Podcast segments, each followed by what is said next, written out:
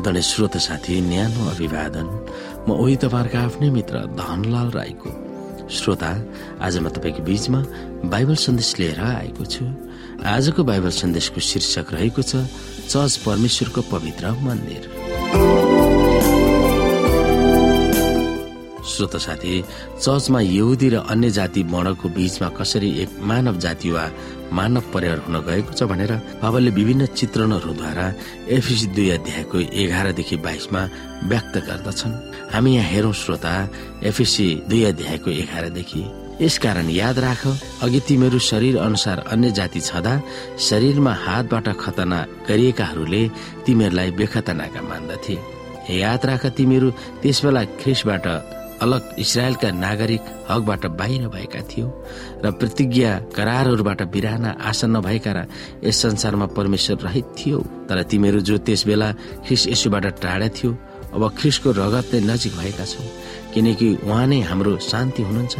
उहाँले हामी दुवैलाई एउटै बनाउनु भएको छ र विभाजन ल्याउने शत्रुताको पर्खाल भत्काइदिनु भएको छ र उहाँले व्यवस्थालाई त्यसका आज्ञा र धार्मिक विधानहरू समेत आफ्नै शरीरमा खारेज गर्नुभएको छ कि यी दुईका सट्टामा उहाँले आफैमा एउटा नयाँ मानिस सृष्टि गरून् र यसरी शान्ति स्थापना होस्।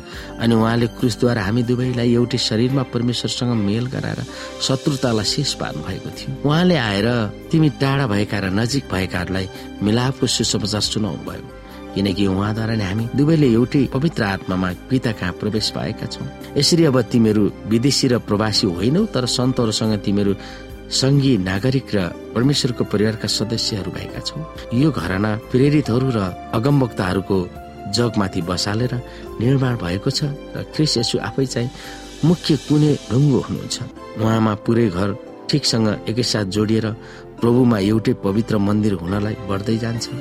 अनि पवित्र आत्मामा परमेश्वरको वासस्थान हुनलाई तिमीहरू पनि उहाँमा एकसाथ निर्माण हुँदै जान्छौ। एफिसी दुई अध्यायको एकदेखि दसमा हामी यसुसँग एक भएको छौँ भनेर पावलले उल्लेख गर्दछ भने पद एघारदेखि बाइसमा हामी चर्चका सदस्यहरू भएकोले विश्वासीहरू एक आपसमा एक भएर जिउँछौ भनेर उल्लेख गरिएको छ। यसुका मृत्युले परमेश्वरसँग सिधा माथि सम्बन्ध राखेर चल्छौ भनेर भनिएको छ। भने तेस्रो रूपमा अरूहरूसँग टाँसिएर सम्बन्ध राख्ने भएका हुन्छौ भनेर भनिएको छ। यहुदी जाति वा राष्ट्र र अन्य जातिहरूको बीचमा भएको सबै प्रकारहरू यसैले भत्काउनु भएको थियो। परमेश्वरको दश आज्ञाहरूलाई दुरुपयोग गरेर वा गलत व्याख्या गरेर अरू जातिहरूलाई बाहिर थन्क्याउने प्रवृत्ति पनि उहाँले हटाउनु भएको थियो। यसैले अचम्मसँग अर्को घटकको निर्माण गर्नुहुन्छ।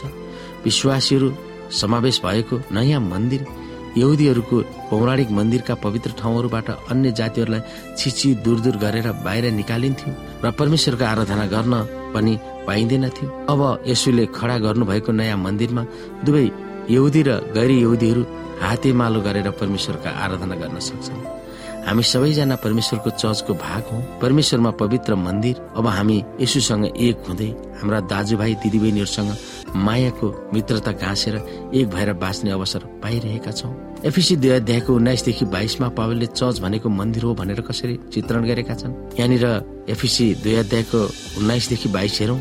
यसरी अब तिमीहरू विदेशी र प्रवासी होइनौ तर सन्तहरूसँग तिमीहरू सङ्गी नागरिक र परमेश्वरको परिवारका सदस्य भएका छौँ। त्यो घराना प्रेरितहरू र अगमवक्ताहरूको जगमाथि बसालेर निर्माण भएको छ र कृष यसो आफै चाहिँ मुख्य कुनै ढुङ्गो हुनुहुन्छ। यसै गरी हामी एक कुरन्थीको पुस्तक तीन अध्यायको नौदेखि सत्रसम्म हेर्न सक्छौ। हामी परमेश्वरका सहकर्मी हौ। तिमीहरू चाहिँ परमेश्वरका खेत हो परमेश्वरका भवन हो। मलाई दिएको परमेश्वरको अनुग्रह अनुसार घर बनाउने निपुण कारिगरले जस्तै मैले जग बसाले र अर्काले त्यसमाथि घर बनाउँदै जान्छ। त्यसमाथि बनाउँदै जानेले हरेक मानिसले कसरी बनाउँदैछ? सो ध्यान दियोस् किनकि जुन जग बसालिसकिएको छ जो यसो ख्रिस हुनुहुन्छ त्यसबाहेक कुनै मानिसले अर्को जग बसाल्न सक्दैन। यदि कुनै मानिसले यस जगमाथि सुन चाँदी बहुमूल्य पत्थर काठ बाँस वा पराल प्रयोग गरेर घर बनायो भने प्रत्येक मानिसको काम प्रकट हुनेछ किनकि न्यायको दिनले त्यो खुलस्त गरिदिनेछ।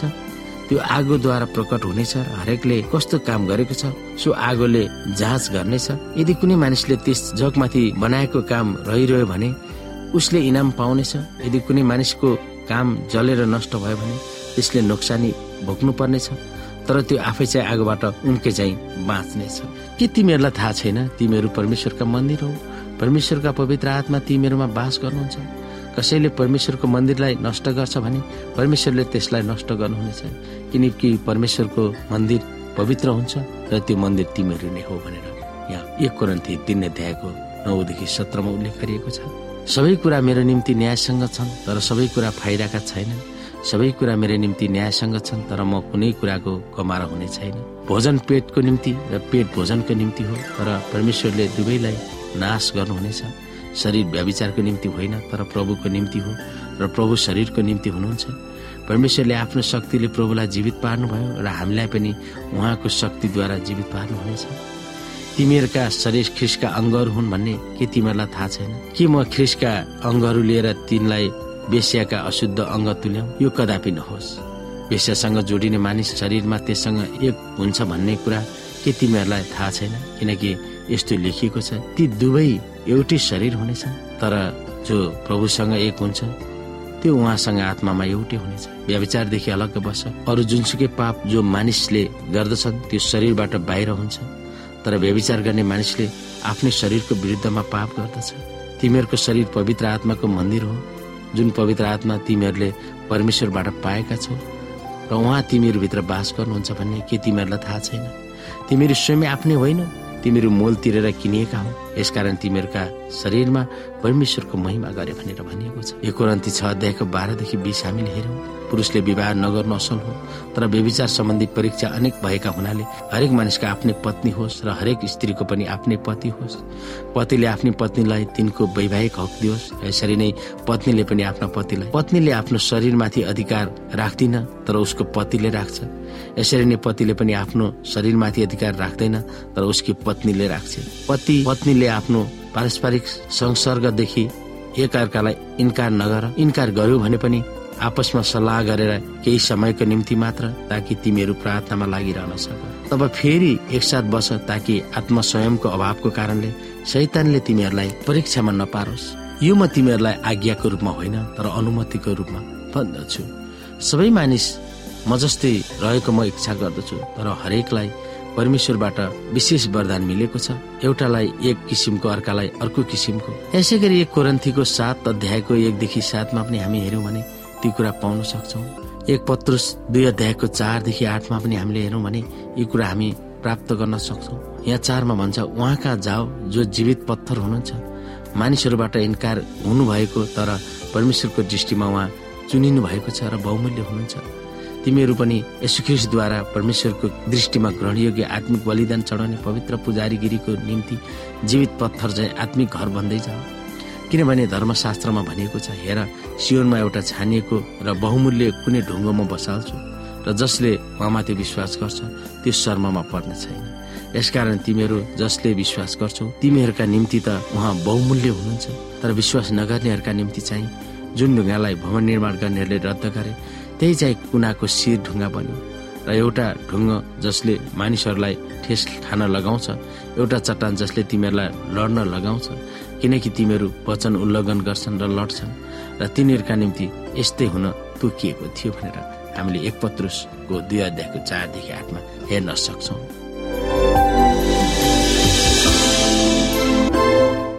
श्रोता साथी आजको लागि बाइबल सन्देश यति नै। हस्त नमस्ते। जय मसिंह।